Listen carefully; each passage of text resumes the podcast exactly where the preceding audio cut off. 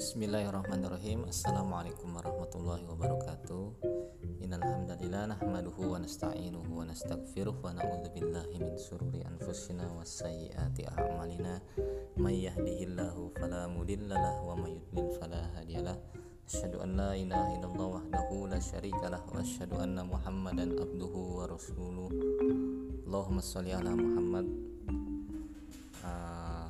Rekan-rekan sahabat sekalian yang insyaallah dirahmati Allah Subhanahu wa taala.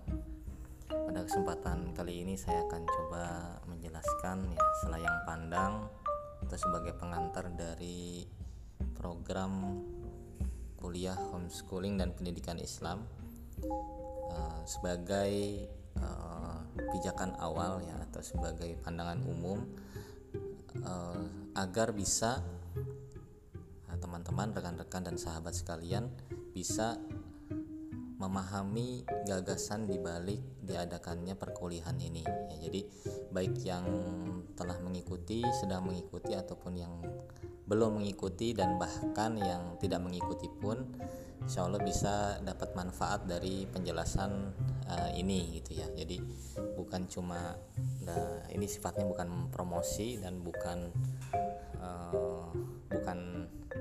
ajakan untuk ikut uh, programnya ya tapi sebagai pengantar dan mengetahui gagasan di balik program ini ya. ya.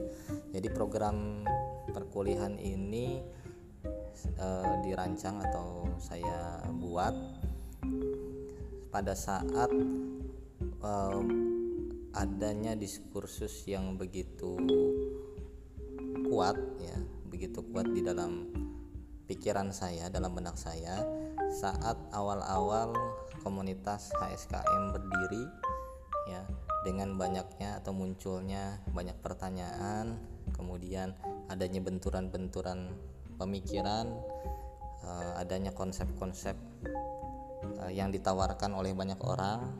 Ya. Sementara uh, dari HSKM sendiri gagasan pendirian atau dari visi misinya latar belakang dibentuk terbentuknya komunitas HSKM ya latar belakang perumusan visi misi dan dan yang lain-lainnya itu dilatar belakangi salah satunya adalah motif keislaman ya. Motif keislaman yang mana saya sebagai orang yang mungkin ketika itu masih terlalu muda meskipun sekarang juga masih muda ya. Masih terlalu hijau masih dan bukan siapa-siapa belum siapa-siapa bukan seorang uh, pakar yang bisa dirujuk juga bukan seorang yang punya kompetensi yang cukup untuk dijadikan tempat bertanya dalam pengertian urusan-urusan pendidikan ya. Meskipun secara umum secara praktek saya ini memang berlatar belakang seorang pendidik ya dalam pengertian saya hidup di lingkungan dunia pendidikan saya e, bekerja di perguruan tinggi saya juga sempat berstatus sebagai dosen. Saya masih memiliki nomor induk dosen nasional atau NIDN masih terdaftar di salah satu kampus meskipun sudah tidak mengajar. E, saya aktif sehari-hari juga e, di kampus saya mengurus perpustakaan sebagai pustakawan di perpustakaan pasca sarjana sehingga saya berhubungan juga dengan uh, banyak mahasiswa di tingkat master dan doktor. Saya juga mengurus tesis dan disertasi, mengolah karya-karya para uh, lulusan yang dominannya adalah tesis dan disertasi dalam bidang pendidikan Islam. Ya, saya juga sudah berguru dengan beberapa pakar uh, pendidikan dan sudah terpengaruh uh, gagasan para asatid di Insis ya Ustadz Adian dan kawan-kawan yang rujukan primernya dalam dunia pendidikan dan filsafat ilmu itu Syed Muhammad Nakib Al Atas ya di Malaysia. Nah ini ini latar belakang dari saya pribadinya. Nah, jadi meskipun bukan pakar, saya memberanikan diri ketika itu dengan idealisme bahwa harus tampil konsep pendidikan Islam harus muncul sebuah rumusan atau gagasan yang di yang mampu diimplementasikan dalam uh, di dunia nyata gitu. Karena ketika uh, membangun komunitas ya kita tidak mungkin bisa mempertahankan ciri khas ya, artinya supaya tidak lebur tidak jadi tidak jelas terbawa arus pemikiran sana dan kemari maka harus ada yang orisinil. Ya meskipun ketika ketika awal dibentuk HSKM tidak ada yang tidak ada gagasan orisinil maksudnya hanya bermodalkan semangat bahwa kita harus uh, islami gitu.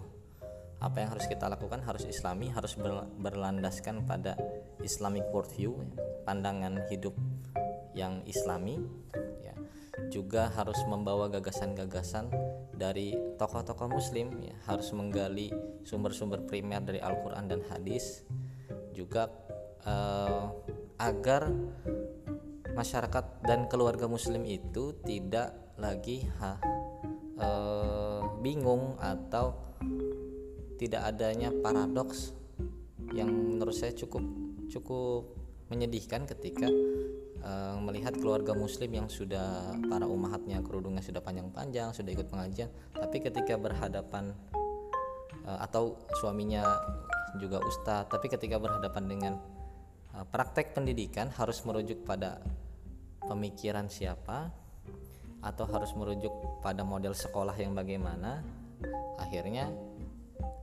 ada yang ikut mohon maaf saya sebut istilah ya karena ini saya sebut nama karena memang ini di lapangan ya banyak yang akhirnya terpengaruh Montessori, kemudian Charlotte Mason, ya dan lain sebagainya mungkin nama-namanya juga banyak ya yang yang punya metode dan model yang sampai eh, prakteknya itu dirumuskan dengan rinci.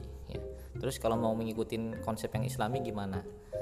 Ya, meskipun bisa secara sederhana ya udah masukkan ke pesantren saya punya catatan khusus juga tentang pesantren yang uh, harus di mungkin suatu waktu nanti bisa dibedah ya dikaji. Tapi secara umum kalau orang ikut pesantren atau kembali ke secara hidup yang tradisional mungkin itu bisa mendekati uh, uh, pandangan Islam gitu. Tapi untuk menjawab tantangan modern tantangan kontemporer tentu kita harus bisa ya sama seperti saya mempertahankan komunitas homeschooling ini di tengah tren munculnya ketika itu gagasan kutab. Teman-teman sebagian ada yang hijrah ke kutab ya. Pindah ke kutab ada yang kembali lagi ke komunitas homeschooling setelah mencicipi atau sebagian ada yang sempat kecewa atau ada yang menganggap homeschooling tidak islami sehingga milih yang eh, solusi-solusi uh, lain yang tidak islami. Nah, karena memang ini uh, starting pointnya adalah ya kita kalau mau islami ya islam aja sekalian gitu. Kenapa harus pakai nama homeschooling? Supaya nggak panjang saya nggak akan cerita ke situ. Cuma dari gagasan itu ya, saya melakukan banyak perenungan sampai tak ke sekitar tahun 2014 saya mem membalik-balik beberapa buku uh, di tengah malam ya, jam 10 malam saya sering menyendiri di perpustakaan. Ketika itu saya membulak-balik buku kecil uh, karangan Syed Muhammad Nakif Al-Atos yang merupakan juga maha guru atau kakek guru dari eh, guru-guru uh, saya juga para ustadz-ustadz yang bimbing saya. Nah ini buku kecil ini buku yang merupakan pidato Nakif Al-Atas uh, di konferensi pendidikan. Ya, papernya yang diajukan Ketika itu, gagasan yang paling terkenalnya adalah menolak konsep tarbiyah sebagai konsep pendidikan dan mengajukan konsep takdib. Nah, sempat ramai di dunia akademisi uh, silang silang pro dan kontra. Nah, saya berusaha memahami gagasan dasarnya atau masuk ke wilayah pro kontranya sampai di satu titik ya setelah empat kali seingat saya empat kali saya bolak balik membaca kalimat-kalimat yang rumitnya uh, akhirnya muncul ya Allah bukakan.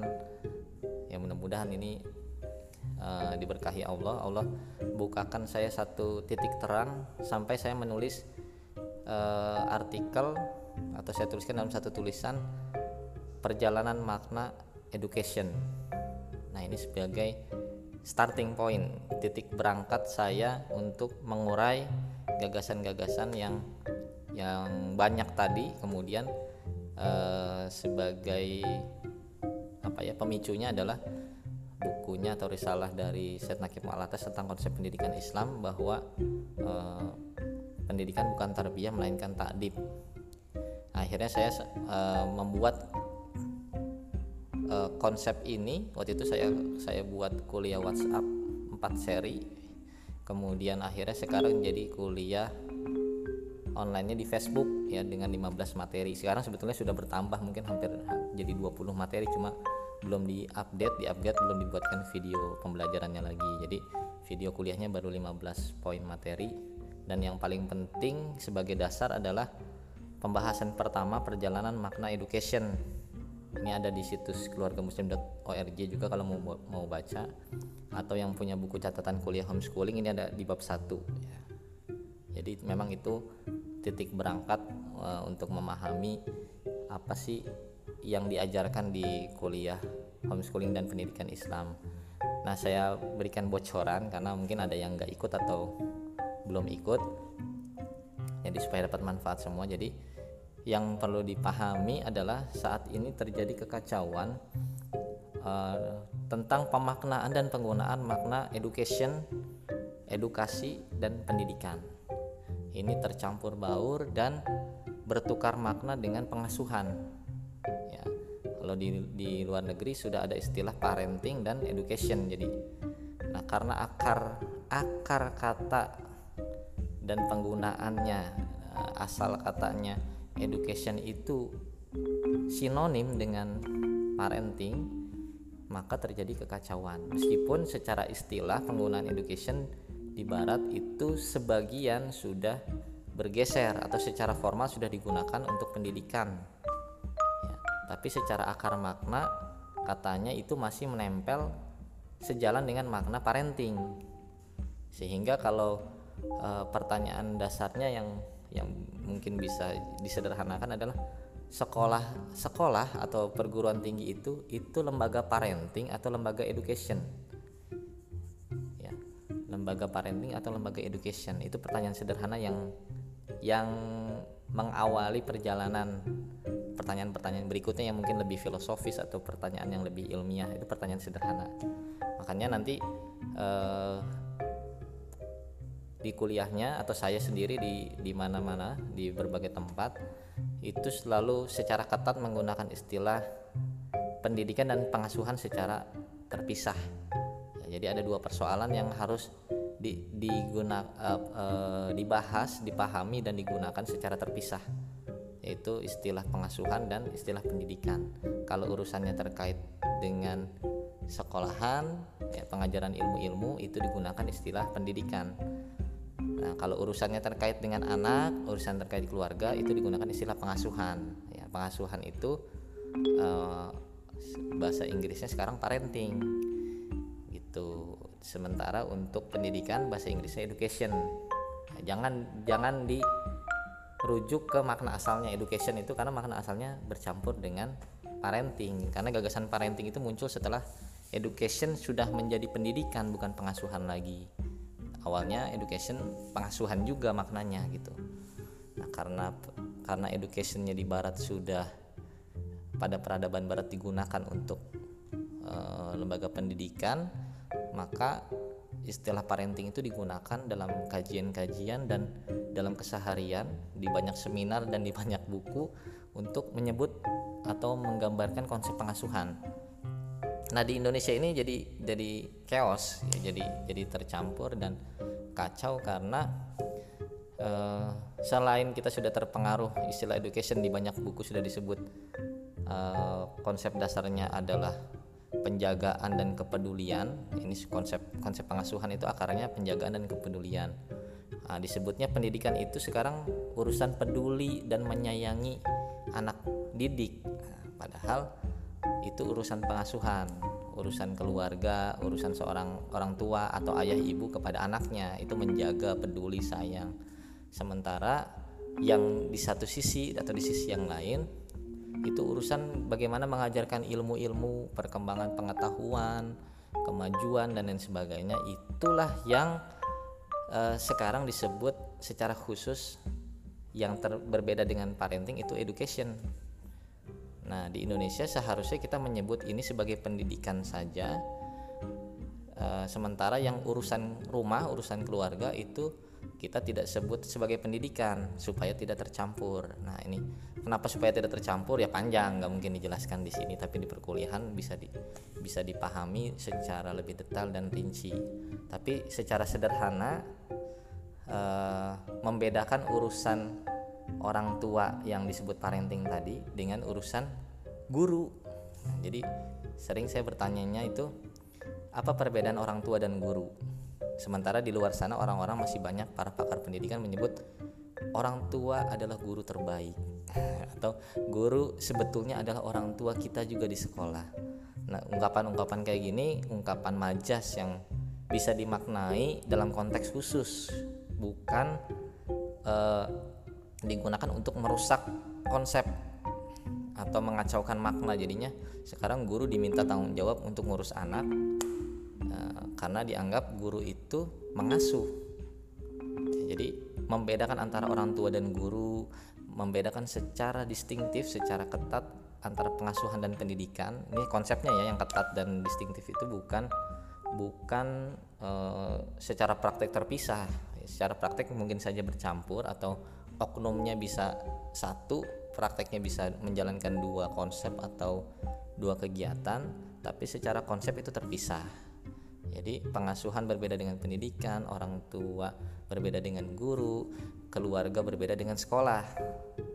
Gitu ini yang uh, gagasan yang dibawa. Nah uh, tanpa ikut perkuliahan pun kalau kita mau merenungi dan menelusuri dengan framework tadi dengan kerangka berpikir bahwa memang ini terpisah konsepnya dan guru itu memang guru saja orang tua memang orang tua saja meskipun bisa ada di satu oknum maka itu bisa dijelaskan dengan baik sehingga homeschooling ya ini nanti dikaitkan dengan homeschooling homeschooling itu eh, nah tantangan terberatnya homeschooling itu seolah-olah semakin mengacaukan kedua konsep itu. Padahal homeschooling itu mengintegralkan mensinergikan dua konsep tadi yang boleh jadi dilakukan oleh peran satu satu individu satu oknum. Misalkan saya sebagai orang tua sekaligus sebagai guru tapi bukan orang tua adalah guru bukan.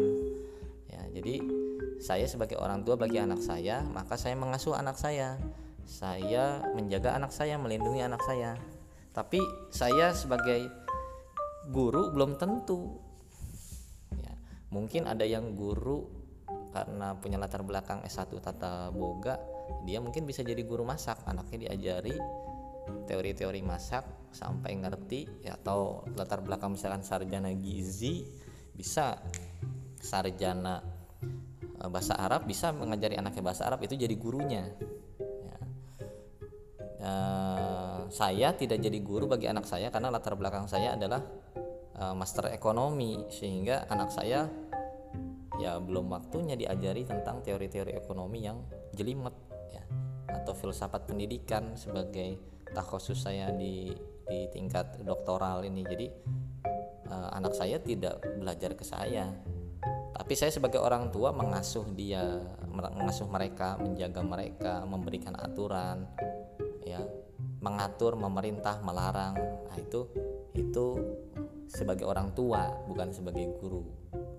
Nah ini ini yang mudah-mudahan bisa dipahami nanti mungkin bisa diskusi atau tanya jawab ya sebagai singkat aja ini sebagai sebagai gambaran gambaran besar bahwa di perkuliahannya itu menjelaskan secara rinci poin per poin gagasan demi gagasan dan konsep demi konsep. Jadi kuliahnya memang agak serius dan betulan kuliah gitu ya. Jadi harus harus disimak harus dicatat teori-teorinya kemudian digambarkan secara terstruktur jadi kalau dibilang ini kok bisa nggak buat ya harus serius kalau ikut kuliahnya harus nyatet harus baca harus ngerangkum lah. Kalau nggak nggak ngerangkum mungkin susah pahamnya. Karena karena kenapa susah? Karena sehari-hari kita sudah menggunakan istilah ini secara terbalik kata-kata dan konsepnya sudah terbalik. Saya pribadi yang yang punya rumusan pun butuh sekitar enam bulan untuk tidak menyebut urusan anak itu sebagai pendidikan. Karena mendidik anak itu sudah saya tidak tidak gunakan lagi setelah enam bulan berusaha menghilangkan itu. Kadang-kadang sama istri saling ngingetin gitu ya. Jadi uh, kok pendidikan sih? Ini kan ngasuh. Ngasuh lagi ngasuh anak mengasuh anak ngajak bermain. Bukan disebut uh, ini pendidikan permainan atau uh, pendidikan disiplin. Enggak kita bilangnya ini asuhan asuhan disiplin asuhan permainan. Jadi kalau lagi bersama anak itu kita ngasuh aja. Ya hilangkan teori-teori jauhkan bukan jauhkan ya tidak usah dipertemukan dengan buku-buku dan lain sebagainya. Kita sedang bermain bersama.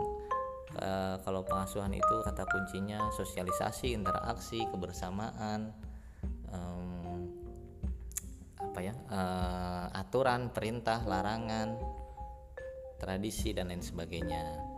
Tapi kalau urusan pendidikan itu nanti terkaitnya di ilmu pendidikan yang asli, nah yang asli maksudnya yang tidak tercampur dengan teori pengasuhan dan teori psikologi, itu terkait dengan bagaimana mengajarkan ilmu, struktur kurikulumnya, tahapan-tahapannya, pemilihan bab satu dan berapa jumlah babnya, kapan diajarkan, siapa murid yang layak diajarkan materi tersebut dan lain sebagainya. Jadi uh, itu urusan atau domain pendidikan. Dan ini adanya di lembaga pendidikan.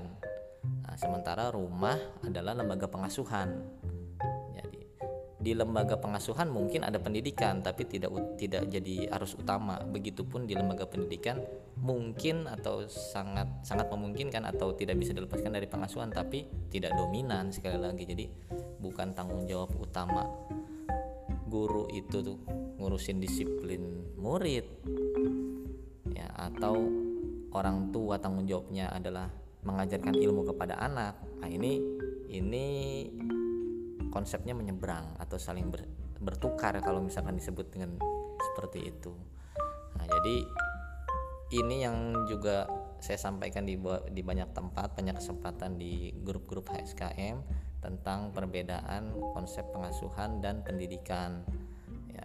Meskipun masih sering banyak yang terbalik-balik ya wajar atau penggunaan kita sehari-hari sering bertukar itu wajar. Tapi yang jelas gagasannya harus dipahami agar nanti nggak muncul pertanyaan seperti pertanyaan yang Pak kalau ikut kuliah di sini bisa nyusun kurikulum nggak? Biasanya saya jawab gini kalau ikut kuliah sini di sini atau kuliah homeschooling ini nggak akan bertanya seperti itu lagi karena nggak akan mau nyusun kurikulum. Setelah lulus dari kuliah ini sebagai orang tua kita nggak akan mau nggak akan berminat nyusun kurikulum. Itu karena urusan kurikulum adalah urusan seorang ahli ilmu yang merancang. Ya kalau sebagai orang tua mengalir.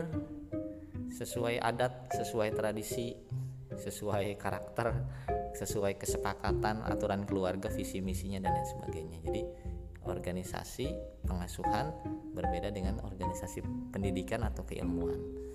Uh, ini saja sebagai pengantar, mudah-mudahan bisa dipahami. Nanti mungkin uh, saya cerita atau nanti di apa terkait dengan pembentukan komunitas homeschooling keluarga muslim ya atau sejarahnya mungkin ya. Itu saja mudah-mudahan bermanfaat. Wabillahi taufiq wal hidayah. Assalamualaikum warahmatullahi wabarakatuh.